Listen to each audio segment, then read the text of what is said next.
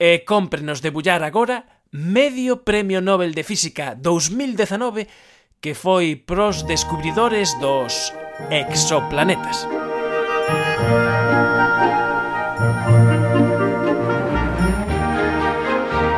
The Royal Swedish Academy of Sciences. A Real Academia Sueca de Ciencias decidiu hoxe outorgar o Premio Nobel 2019 de Física cunha metade a James Peebles polos seus achados en cosmoloxía física e a outra metade conxuntamente a Michel Mayor e Didier Queloz polo descubrimento dun exoplaneta que orbita a unha estrela de tipo solar.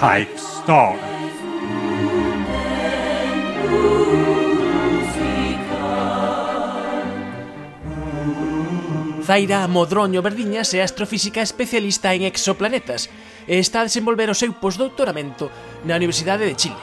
Con ela, imos tratar ese medio Premio Nobel de Física 2019 que foi para Michel Mayor e de Adil Moi boas noites, Taira. Ola, boas noites. Estás na Universidade de Chile no teu posto de traballo atendendo a efervescencia neste momento.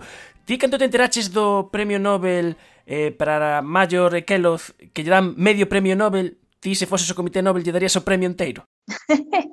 home, a min gustaríame, non? Porque é o meu campo de traballo, entón un sempre quere máis, pero a verdade, non, está moi ben así, eh, é normal que o leven tres persoas, eh, bueno, está ben o 50% neste caso, ainda que sea repartido entre dúas persoas.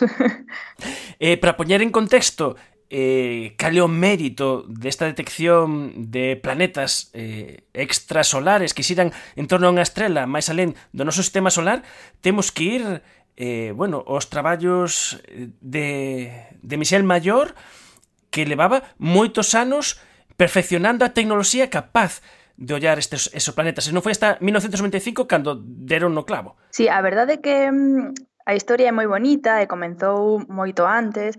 Eh, podese dicir un pouco que, o sea, moita xente di que foi un golpe de sorte, non?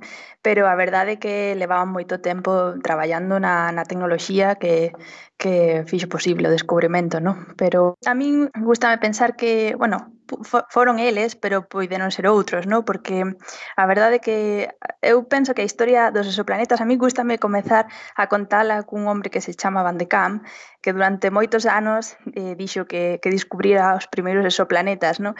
É curioso porque Maior e Queloz fixeron o descubrimento catro meses despois de que, de, de que este home morrese. No? Mm, Van de Cam en 1963 dixo que había un exoplaneta, logo volveu dicir que había en realidad eran dous, e eh, ao final o que pasou é que eh, outros dous investigadores no 73 dixeron que en realidade eh, o que Van de Kamp estaba medindo non era era eh, como sistemáticas instrumentais do, do, do telescopio, é dicir, era un, unha, seña, unha sinal espuria, non?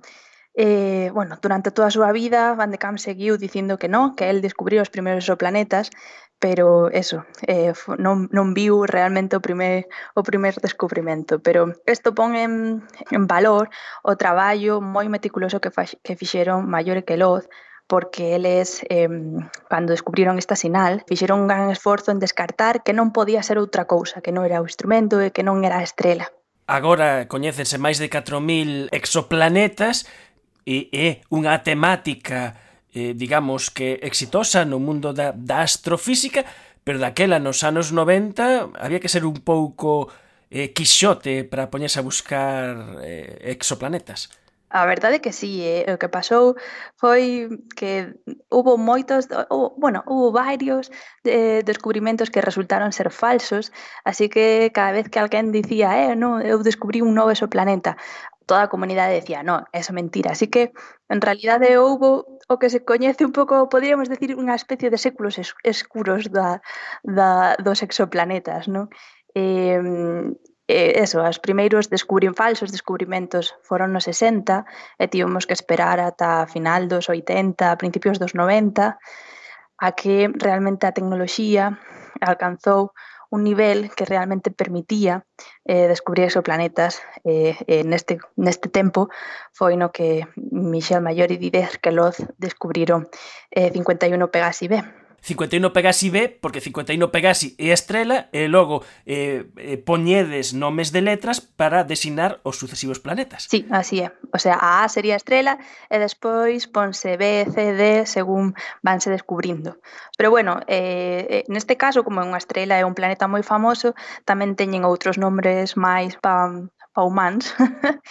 e a estrela chamase Helvetia, e o planeta chamase Dimidio. E ademais, Eh, foi tamén unha sorpresa ver as características dese 51 Pegasi B eh, porque era un planeta eh, tan grande como Xúpiter, pero estaba moi preto da súa estrela, algo que eh, non parecía concebible cos modelos de sistemas solares que se tiñan naquel momento. Mm, así é, non parecía que, que eso poidese ser un planeta, máis que nada porque cando un non sabe o que anda a buscar, busca o que coñece, non? E o que coñecemos son os planetas do sistema solar, e no sistema solar non hai un planeta como este, é un planeta, como a ti dis, gaseoso, moi grande, pero moi preto da, da estrela.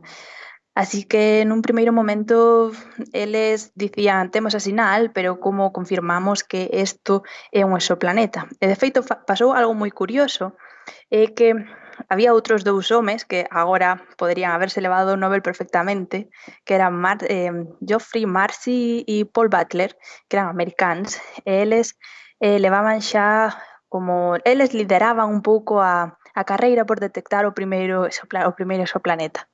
E de feito tiñan observacións desta mesma estrela, pero non buscaron neste rango de, de períodos, é dicir, como non se, se esperaban encontrar un planeta destas características tan grande, tan preto da estrela, simplemente non miraron ali. Cando Maior e Queloz de, bueno, dixeron non, o mundo publicaron o descubrimento, eles revisaron os seus datos e denose conta de que en realidade xa xa detectaran a sinal pero non se terán conta porque non miraran ali. E foron os segundos e, e os seus datos serviron para confirmar o descubrimento eh, de, de, de, de Michel Mayor e de, e de Kelozen. Sí, así foi. Eh, para explicar por que é tan complicado eh, detectar eh, un exoplaneta, podemos explicar como é esa técnica que puxeron bueno, que xa facía outra xente, pero que chegou a capacidade, a sensibilidade suficiente para detectar estos exoplanetas eh, os gañadores do, do, do Premio Nobel.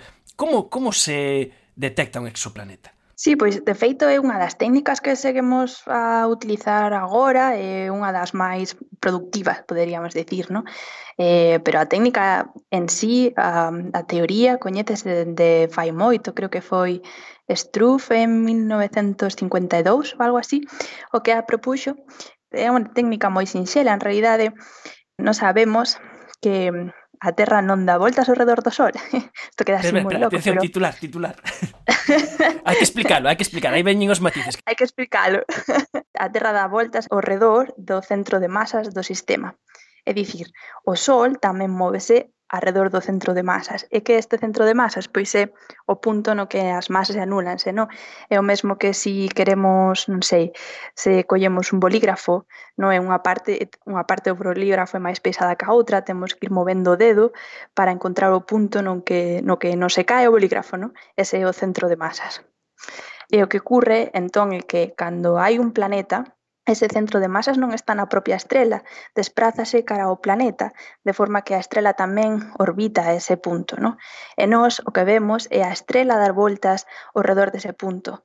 Eso fai que a estrela mm, nun momento acércase a nós e noutro momento afástase. No? entonces eh, podemos medir ese movimento. O sea, que as estrelas, eh, podemos dicir que as estrelas que teñen planetas ao seu redor o que fai é que teñan un pequeno movimento de bamboleo mm, que nos podemos ver un poquinho diante para atrás, pero ese pequeno desplazamento que eh, as distancias a que están as estrelas mesmo as máis próximas é un movimento moi moi pequeno e a dificultade era precisamente en poder discriminar ese movimento tan pequeno. É moi pequeno. De feito, mídese a velocidade ca que vai adiante e atrás, non? eh, o instrumento que, que eles utilizaron para descubrir 51 Pegasi B tiña unha precisión duns 10 metros por segundo. Eso foi totalmente un, un gran avance, porque os que había antes tiñan precisións de 50, 50 e, e 100 metros por segundo. E os que temos agora, que son un pouco a evolución deste Leodí, no? os sucesores, teñen precisións xa de uns 10 centímetros por segundo un metro por segundo, eh, a velocidade a que pode camiñar alguén pola rúa, alguén maior incluso, ¿no? O sea, eh, medimos velocidades moi pequeniñas en estrelas que están moi lonxe. E ademais, eh, ti és especialista precisamente en instrumentación, e precisamente hai o papel de, de Queloz, que era eh, eh, era investigador de, de doutoramento no grupo de Milse Mayor, foi axudar a perfeccionar a técnica na que levaba xa moito tempo traballando eh, Michel Mayor e aí, por exemplo, entran en xogo, por exemplo, a fibra óptica. Sí, séguese, séguese a empregar, sí, eh, que Loz estaba de estudiante, eh, Mayor era como un pouco o, mm, bueno, o xefe ¿no? do proxecto, Así, el, el logo que lo traballou moito perfeccionando estes sistemas, pero est, todos estes espectrógrafos funcionan desta forma, eh, a luz chega á fibra óptica que está no telescopio e logo viaxa pola fibra óptica cara ao instrumento o espectrógrafo, que normalmente está situado nunha habitación aparte, eh, con temperatura moi controlada, presión moi controlada, e así alcánzase as precisións ás que chegamos hoxe en día. Porque o que facedes é descompoñer eh, eh, esa luz, eh, ver o espectro da luz das estrelas, que, que se ve, bueno, pois pues como un arco da abella, pero con diferentes bandas negras que que son eh, as liñas donde as sustancias que conforman esa estrela absorben radiación. E o que pasa que, como esa estrela está bamboleando, adiante e para atrás, esas bandas vanse movendo un chisquiño de posición. Exactamente, eso é o que facemos, está perfectamente explicado. o espectro é como un pouco o DNI da estrela, ¿no? Cada estrela ten un patrón de liñas distinto e cando se move adiante atrás, móvense a esquerda a dereita, o azul e o, e o vermello, e, e así nos eh, podemos medir con que velocidade móvense as liñas e, e con que período, ¿no? Con cal é a periodicidade. De aí sabemos a masa, bueno, a masa relativa, porque non, non sabemos a masa real ata que non teñe, temos o, o ángulo do, o, da órbita do planeta, ¿no? Pero teño, podemos ter unha idea da masa do planeta e de canto dura un ano, ¿no? Do período. Porque hai outro método que finalmente é complementario na detección de planetas eh, extrasolares que é ver os tránsitos por fotometría e ver eh, como cae un pouquiño a luz cando pasa o planeta diante da estrela. Sí, ese é outro método que, que tamén se emprega poderíamos dicir que o método de tránsitos é máis productivo, non? Eh, pero en realidade para reconfirmar tamén un planeta eh, precisas as velocidades radiales en moitas ocasións, porque se non podemos a, a propia estela pode confundirnos, non? Podemos pensar que o que detectamos aí ese, esa baixada da luz é produto dun planeta, pero poden ser, por exemplo, manchas na superficie da estrela ou outras cousas producidas pola propia estrela. Ti participaches no descubrimento dun dos planetas, eh, de exoplanetas, que máis imaginación nos teñen feito voar, que é eh, o, o caso de o planeta ata agora dos 4.000 descubertos do máis próximo o que pensamos que debe ser algo semellante á Terra. E ademais, o máis próximo a nós, que está eh, o planeta de Próxima Centauri B, Sí, eh, eu participei nese descubrimento, foi moi emocionante, foi en 2000, 2016, eh, próxima B, eh, o, o máis interesante é que orbita a estrela máis, máis cercana a nós. Entón, inda que a estrela é unha estrela distinta ao Sol, é unha estrela, unha enana M, que son estrelas que son máis frías e máis pequenas que o Sol, está tan preto que podemos, podemos empregar outras técnicas para facer medidas complementarias. Eh, eh, vai ser un dos, planeta, un dos planetas nos que poderemos, por exemplo, ver se ten atmósfera, que características ten atmósfera.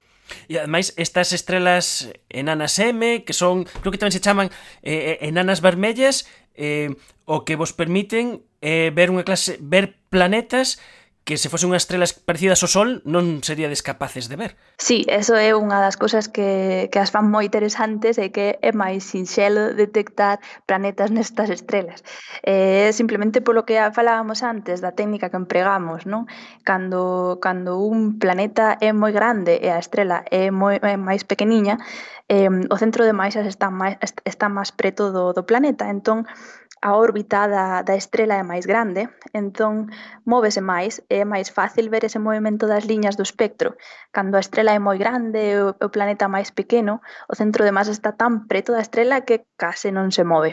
Porque coa tecnoloxía actual que temos, se nos estivésemos en próxima Centauri B e ollásemos para a Terra, seríamos capaz de detectar a Terra. pois estamos case case a punto de poder facer algo así pero estamos a ese é un pouco o límite hoxe en día, non?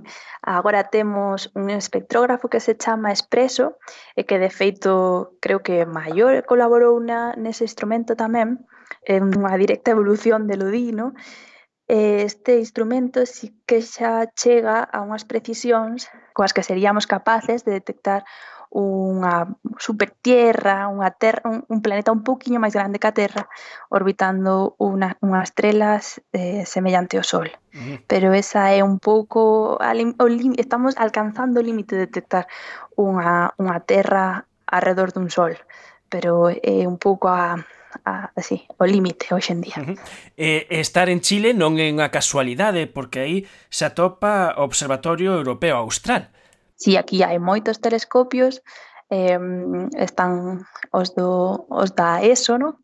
hai varios observatorios, está a Silla, está tamén Paranal, tamén hai observatorios de outras longitudes de onda, está ALMA, eh, pero si sí, eh, a Chile pasa un pouco mesmo que, que as Canarias, que que temos bo chan, boas condicións atmosféricas para observar o, o ceo, pero moitas veces non temos moito diñeiro, entón o que facemos é como alquilar o chan para que outros veñan a poñer telescopios, non? Neste caso, pois, unha asociación de países europeos forman a ESO e teñen aquí varios observatorios, sí. E coido que nun eh, dos últimos artigos nos que publicaches xunto con outros investigadores publicastes descubrimentos de novos exoplanetas na prensa chilena ti xa aparecías como investigador chileno. Ah, sí, eso pasoume, sí. A prensa aquí en Chile non eh, é de dicir que non é tan boa como ali. Eh, moitas veces non investigan moito as cousas que publican. Eh, e si publicaron eso porque é, é triste, pero é verdade, un cando lé o nome mm, da xente nunha publicación, como nos firmamos cos apelidos, eh, todo o mundo pensa inmediatamente que esa persoa é un home. No, nunca pensase que é unha muller. E, eh, e claro, polos apelidos solo, pois todo o mundo asume que é un home. E ademais, bueno, como a miña afiliación pois é a Universidade de Chile, pois xa asumiron tamén que era chileno. eh, Zaira Modroño Verdiñas, que nos está atendendo dende Santiago de Chile, dende a Universidade de, de Chile, investigadora en exoplanetas, que participou no proxecto Cármenes, que descubriron ese planeta de Próxima Centauri B, e eh, que agora anda a facer o seu postdoutoramento en Chile. Xa unha última pregunta. Ti non sei se desde Chile poderás votar a poñer o nome a estrela a estrela Rosalía, non sei que che parece esta ah, Bueno, xa, xa dou por asumido Rosalía Que che parece que se poida poñer nomes a estrelas que teñen planetas? A min pareceme moi ben, porque a verdade é que cando un, por exemplo, eh, mira o planeta que, bueno, o primeiro planeta que se descubriu, que en realidade é, eh, foi en 1992, o que pasa é que este planeta orbitaba unha estrela que, que está morta, é un pulsar, entón mm, xa pensábase que non podría haber vida. Este planeta chamase PSR 12 57 máis 12B. Toma. Unha cousa así que é totalmente imposible de, de recordar, non?